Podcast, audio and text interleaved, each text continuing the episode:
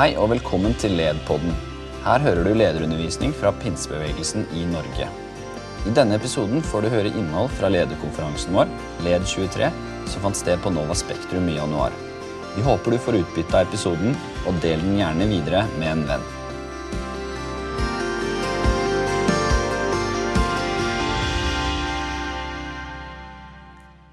Fantastisk bra. Vi har et tema rundt fundament for barn og unge i troen. Og vi har gleden i dag å kunne ha med oss flere forskjellige representanter for hvordan vi kan bygge det fundamentet. Vi vet at de fleste som velger å følge Jesus, de er mellom 11 og 18 år. Det er blitt for meg ganske alvorlig og ganske eh, engasjerende den siste tida. Vi ser og vi vet at det ligger en mulighet som er helt unik når det gjelder denne alderen. Vi skal prøve å belyse og snakke litt om ulike sider av det å bygge et godt fundament, et godt trosfundament for barn og unge. Eh, vi skal prøve å se på ulike vinklinger, men dette her er ikke noe fasitsvar. Dette er ikke meninga å trykke deg ned, men det er en mulighet for å kunne vise noen ulike sider og noen ulike måter å tenke på. I ordspråkene 22, 22,6 så står det 'Lær den unge tidlig hvordan han skal leve'. Så vil han fortsette med det selv når han blir gammel. Det er gode ord å ta med seg inn. Vi har snakka mye om eh, allerede Lukas 6 om det å ha livet sitt bygd på fjell, sånn som Jesus sier. Og, og vi tror at vi må kanskje kneppe litt om på hvordan vi tenker barne- og ungdomsarbeid for å bygge et godt fundament i framtida. Vi må kanskje revurdere modellene våre og tankesettet vårt på hvordan tenker vi ungdomsarbeid når det gjelder ansettelser, når det gjelder størrelse på stillinger, om du er barne- eller ungdomsarbeider. Kanskje vi som kirke må endre det litt. For vi ønsker å se flere barn og unge som følger Jesus hele livet. Når vi vet det vi vet, og ser det vi ser, hva tenker dere da, Solveig, når det gjelder trosopplæring? I forhold til eh, når de tar imot Jesus sånn. Ja, jeg tenker jo at vi må eh, ha et bevisst forhold til det, og ikke tenke at ting skal bare bli opp til tilfeldighetene, så ser vi hva som skjer. Men at vi ser den unike muligheten vi har i hva vi investerer inn i barn og ungdom. Og at vi da eh, i kirkene våre er oss bevisst på hva er det vi gir inn i nettopp den eh, ungdomsfasen. Ja. Ja. Men, men, er det viktig å ha planer for det da, eller? en plan, ja. Nå, jeg, jeg, tenker jo det at hvis vi, vi jeg, jeg tror i lenge i forhold til barn og ungdom at vi har litt overlatt det til tilfeldigheter. At vi har vært glad ja, vi har noen som er ansatt eller ansvar for barn og ungdom. Og så, så lenge de har det kjekt, eh, så er det fint. Eh, men jeg tror at hvis vi har lyst til virkelig, sånn som Linda snakka om her, og, og, sånn, at vi har lyst til å se Oi, men drømmen vår her er jo at vi ser mennesker som får lov til å følge Jesus et helt liv. Så tenker jeg òg at det er veldig lurt av oss å tenke ok, men hva er det i andre ting i livet som vi har drømmer om, som vi ser, så, så har vi planer for det. Mm. Og at vi tenker ok, men hva, hva, er viktig i denne fasen? Hva er viktig, hva kjennetegner denne fasen? Hva slags fundament er vi med å bygge og gir inn her? Og at vi har planer på det òg i, i, kirkene våre, sånn at det ikke Som du sier, så er det mange andre faktorer òg som spiller inn, så en plan løser ikke alt. Eh, men jeg tror en plan er med å gjøre at vi, vi sikrer sikre eh, noen ting av det som vi tenker dette er kjempeviktig i denne fasen. Både relasjonelt, hvordan de utvikler seg, hva som er liksom kjekt for dem å være med på, men òg i forhold til Guds ord og bibelske sannheter. Hva ønsker vi at de skal sitte igjen med holdt på å si, når de har vært gjennom våre barne- og ungdomsarbeid? Eh, og, eh, ja, og, hva gir vi familiene av verktøy for det vi tenker? Hvordan kan vi gi dem en, en solid tro som vare? Mm. Så det blir litt som skole? Det blir litt som skole. Du kan ikke bare undervise brøk år etter år? Nei, det er jo liksom hvis lærer vi, jeg, jeg, tror ikke vi hadde likt hvis liksom vi tenkte at nå skal, hvis jeg sender ungen min på skole, og så kan læreren min bare gjøre det de sjøl har lyst til. Det kan jo bli kjempekjekt for ungene noen uker, kanskje. Eh, men sånn på sikt så da, da, vet vi jo ikke hva liksom, Hva har du lært? Hva, hva, har du å møte livet med? Eh, og i Norge så er vi veldig opptatt av det. Liksom At eh, både barnehage og skole skal følge rammeplaner, og vi skal vite hva de får med seg. Og jeg tenker at vi òg har der nå, når vi har jobba masse med trosopplæring i pinsebevegelsen de siste årene, og eh, nå revidert eh, utgave av trosopplæringsplanen vår, at vi har et godt, godt rammeverk som vi, vi, kan få lov til å ta i bruk, som gjør det ja, som i hvert fall er ett av verktøyene ja. i dette. her. Mm. I skolesammenheng så snakker man jo mye om hjem-skolesamarbeid. Vi, vi tenker jo hjem-kirkesamarbeid. Eh, det er nok mange foreldre som sliter med brøkregninga, for å si det sånn. Men, men, Linda, hvordan kan vi Du var litt inne på det, men, men jeg føler og hører stadig vekk at foreldre syns det er litt kleint. De vet ikke helt hvordan de skal gripe det an, og, og, mange har nok eh, brent seg på at nå skal vi ta oss sammen og andakt ved middagsbordet, og, og, nå skal vi liksom gjøre det, og så varer det litt kort tid. Har du, har du noen mer konkrete tips til hvordan å greie å leve det daglig? For det er jo der mange, mange føler at også Hvordan få det til å bli naturlig? Ja, og Det er så viktig at det føles naturlig. Og så tenker jeg at Vi som leder menigheter osv. Å se hvor, vårt ansvar i å utruste foreldrene da, til dette her. For jeg tror som du sier, at det er mange som syns det er kleint. Så vet ikke helt hvordan de opplevde det ikke sjøl. Og, og jeg tror rett og slett på en plan for å lære opp foreldrene til å gjøre det hjemme. Eh, bevisstgjør de på hvor viktig det er. Utruster de til helt sånn konkret. Sånn kan du gjøre det. Og da med bevissthet og kompetanse da, så kommer tryggheten i større grad. Og så må man rett og slett øve. Så når vi har sånne såkalte levende trossamlinger, kaller vi det da, og det er det jeg skriver om det enhver tid hele boka blant annet, så eh, De levende trossamlingene har den hensikten. Det ser ut som de er for ungene i form, men den er retta mot foreldrene. Vi gjør de for å utruste foreldrene til å gjøre dette hjemme. Åssen skal jeg be med den lille ungen min? Eksempel? så øver de på det i samlinga. De får en ressurs, de har det gøy, de spiser noe godt. Og så blir de motivert, og så blir det modellert. Og så sier jeg og nå skal vi øve. Og sier hæ, skal vi øve på B? Ja, vi skal faktisk øve på B. Fordi de føler det kleint. Så må vi bryte litt is. Og så så er det kjempefint de gangene jeg har gjort det med en gjeng med foreldre. Det er så fint, det. Og det forundrer meg hver eneste gang at vi går fra kleint til wow. Og, det, og da også ta den hjem da, i neste runde, det er jo ønsket. Ja. Um, for hvis det bare blir der i kirka på den samlingen, så er det på en måte ikke verdt annet enn en god opplevelse. Men det må på en måte begynne å leve da. Og da tenker jeg at vi må oppmuntre foreldrene til å si at det lille betyr så mye mer på det jevne enn én en svær gang og aldri mer. liksom. Er det noe vi kan utfordre hverandre som venner i en kirke, som de du henger med, og, snakke om? Ha som tema hvordan hjelpe hverandre, rett og slett? Ja, for Det blir et stort ansvar hvis menighetsledelsen skal sørge for at du er oppdatert på ja. hvordan du skal lede hjemmet ditt, lede, dele hjemmet ditt. Ja, Og så må jo enhver på en måte velge om en vil eller ikke. på en måte. Vi kan jo ikke som menigheter tvinge noen som helst. Men, men eh, ja, å snakke om det her, det tror jeg er kjempeviktig. Ja. men snakke ærlig om det. Og si fy søren, jeg syns det var så flaut. Jeg kan bare nevne da jeg første gang begynte å si Gud velsigne deg til ungene mine i døra når de skulle gå ut. Jeg hadde så lyst til å begynne med det, for jeg hadde hørt en god fortelling om det. Og første gang Simon 12, svær jern på hodet, sto der og dingla og skjønte mamma hadde mer på hjertet etter jeg hadde sagt eh, 'glad i deg' og 'lykke til', og sånn, så skjønte han at det, hun har visst noe mer i munnen her. Og det var bare ull. Og, så, og til slutt så Å, Gud velsigne deg, Simon. OK, husker jeg han sa, og så bare styrte han ut. Og så Neste dag så kunne jeg liksom ha droppa det, men så klarte jeg å pushe meg sjøl. Kom igjen, Lena, du klarer det.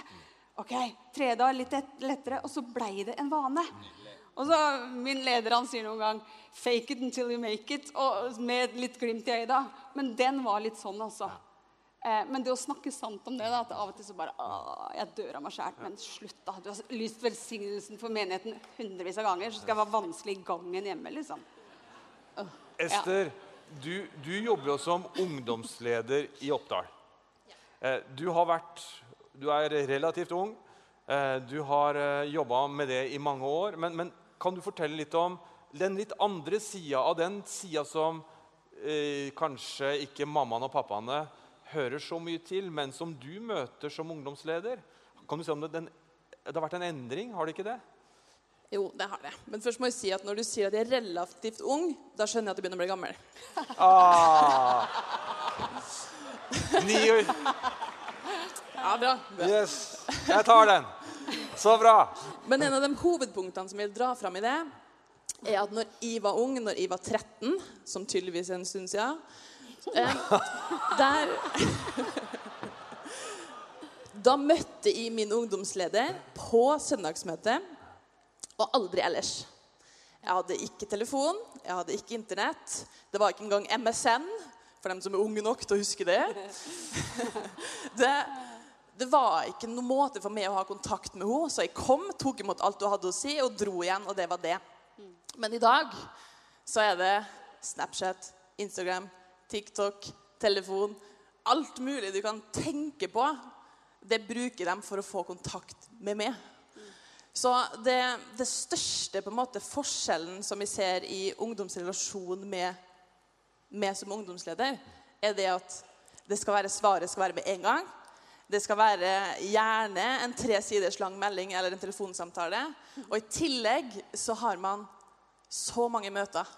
Så mange vi kjører på med alt mulig. Det er cellegruppe, det er fredagsmøte, de kommer på søndagsmøte, de kommer hjem til meg. Altså Det er så, så mye kontakt. Og det er bra, det. Det er kjempe, kjempebra. Men, men du jobber i 80% stilling? 80 Ja. stilling. Så jeg har tid til det. Du har tid til det. Jeg har tid til det. Jeg står ikke på Kiwi i tillegg, sånn som veldig mange ungdomsledere gjør. Jeg er også 29 og ikke 19. Så jeg har kanskje eh, kompetansen til å faktisk håndtere det med at dem er viktige i mitt liv. Mens hvis man kommer ut fra ett års bibelskole, man er 19 år, kommer rett i en 20-25% stilling i en kanskje liten menighet, som da også er sikkert grunnen til at man bare får 25% som er forståelig, så er det et utrolig press i å holde kontakt, svare på spørsmål, ha alle mulige teologiske svar, fordi ungdomslederen din har jo alltid rett. Men er da ett år bibelskole, 19 år, null kompetanse, kan ingenting om psykologi, som er et stort spørsmål innen ungdom i dag. Ja. Så den største forskjellen er også der. At da jeg var 13, så var jeg barn. Men når de er 13 i dag, så skal de være perfekt, nesten voksen. Det er store forskjeller. Kjempestore forskjeller. Og, og da kommer vi inn på det som eh, Jon Arve kanskje kan fortelle litt mer om. For, for hos dere så har det endra litt. Også jeg hørte en historie i sommer når jeg traff deg, som, som, som grep meg veldig. For det du sa den største forandringen var, og så må du fortsette, den var at du hadde åpna døra di for 16-åringen. Ja, nå, nå sitter jo jeg her som en gammel mann. Det sa blitt- ikke jeg, da. Ja da, men jeg har blitt 60 år. Eh, men eh, det interessante er jo du vet, Jeg sitter jo bare og mimrer her sjøl. Jeg vokste opp på Klippen på Sandnes, og vi var unge gutter på 13-14 år. Det vi så til 60-åringer, var i beste fall at vi bøyde kne ned i bønnekjelleren. Så kom de og la hendene på oss og bar litt i tunge, og så var det den kontakten vi hadde. Eh, og så tenker jeg, hva har jeg lært av det? Jo, jeg har lært at jeg tror vår beste tid, eh, som har blitt 60 og pluss, kommer nå. Og vi kommer til å bli de beste ungdomsarbeiderne i kirkene våre. Ja, men det, det har jeg lyst til å oppmuntre på. Fordi at det er en lengsel i den generasjonen etter vår erfaring. Og det jeg har lært mest av, er jo feilene mine. Og er det noe jeg kan på en måte bringe inn til disse unge guttene og jentene som jeg har rundt meg, så er det jo min egen erfaringskompetanse. Og jeg har lyst til å si til deg som eh, begynner å bli godt moden i alder, at eh, smerten din er jo alltid mindre farlig enn du tror. Det finner vi jo litt ut av når vi har lært og levd en stund. Og det er jo en, en kompetanse som denne unge generasjonen roper etter. Så når jeg snakker om ei åpen kontordør, så tror jeg jeg har fått lov å gjøre det lenger og mer i de siste åra enn det jeg var bevisst på før. Så jeg prøver å være en støtte opp imot mine ungdomsledere. Det er klart Vi, vi kaster til de 20 og ber de at de skal redde verden, lage verdens beste ungdomsmøter. I tillegg skal de selvfølgelig være med på gudstjenesten på søndag. Jeg har begynt å tenke litt annerledes om det. Så vi driver ikke et kristent ungdomsmøte lenger. Det er kanskje å banne litt i kirka. Men vi, vi har starta en fritidsklubb, vi jobber med Young Life, vi jobber med relasjonskontakter. Og så peker vi på vår gudstjeneste, sånn at vi ikke sliter ut denne generasjonen på alle disse aktivitetene. Jeg sier ikke at alle skal gjøre det sånn, men det er vår vei for å si at vi samles som familie på den gudstjenesten. Der skal de slippe å bruke kreftene. Bruk det på ungdommer på relasjonsbygging, og min kontordør er alltid åpen. Så bra.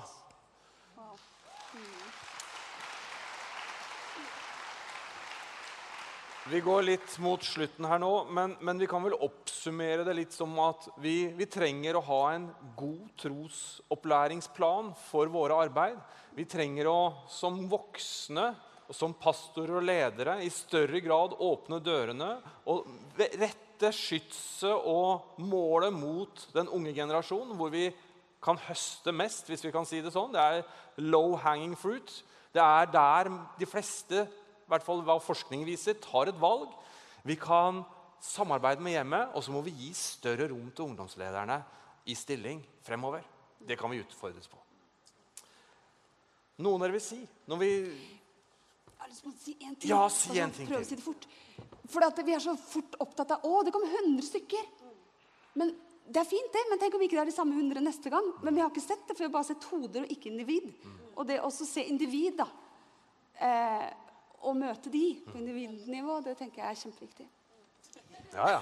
Kjempe. Bare, jeg, jeg, jeg bare opplever jeg har lyst til å oppmuntre deg om du kanskje sitter der og er 70 år og du tenker det er ikke plass for deg. Jeg har lyst til å si at de mest populære ungdomsarbeiderne vi har i vår kirke nå, er disse tantene på 70 som har tenåringer rundt seg, får dele liv og erfaring. Det er plass for deg. Våg å ta et initiativ, og du skal se hva Gud skal gjøre. Veldig bra. Solveig. Ja, og jeg tenker også, tenk Hvis vi, vi sammen kan tenke at det er, det er våre barn og ungdommer, det er ikke liksom en ungdomsleder eller en barneleder, eller noe, men liksom, det er kirka sammen. Og vi jobber liksom mot et felles mål. Og jeg tror vi trenger alle på laget, for da blir det ikke så sårbart med den lille stillinga eller sånn, eller liksom overlatt til seg sjøl. Men at vi, vi eier det sammen. Ja. Eh, og lyst til å utfordre oss også som menighetsledere til å virkelig vite hva er det som skjer i den generasjonen som kommer etter. At vi, vi ikke overlater bare et ansvar og jeg, å, pjo, noen tok ansvar. Men, men at det er et sånn Yes, dette gjør vi sammen. Vi jobber mot et felles mål. Og vi kommer med holdt på å si, de vi er, med de ressursene og pakkene vi har, og investerer inn i det, alle sammen. Tror du vi liksom kan senke den garden på at vi må være så kule for å være ungdomsarbeider? Ja. For å jobbe med ungdom? Ja. Ja. Definitivt. Jeg tror du blir kulere når du blir eldre. Ja. Eh, nei, jeg tror du er jo jeg, veldig kul, da, Men jeg tror, jeg tror altså Jeg har vært pastor i familiekirka i 20 år. Jeg har, jeg, jeg har ikke tenkt å abdisere ennå, men vi må se neste generasjon. Men jeg tror at mitt beste lederskap kommer. Og det er ut av smerte og av erfaring som gjør at du har noe å gi videre til neste generasjon. Så ikke slutt nå. Våg å bite deg fast. Bygg bro til neste generasjon. Mest fornuftige du kan bruke tid på. Bra. Ester? Ungdom ønsker ikke høy musikk og hype og kule ting. De ønsker ekte relasjoner med mennesker som kjenner Jesus sjøl. Så det beste vi kan gjøre, les Bibelen din, søk Gud, Ja. og så tror vi at ungdomsgenerasjonen blir frelst. Amen. Yes. Amen.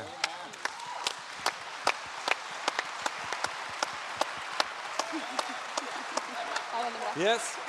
Da skal vi avslutte. Vi utfordrer dere til å ta med dette hjem. Tenk annerledes. Tenk at du betyr noe inn mot ungdommene. Tenk at du har en plass i din kirke i forhold til barn og ungdom som du kanskje har tenkt at det er noen andre som skal gjøre. Vi utfordrer deg i dag. Tusen takk.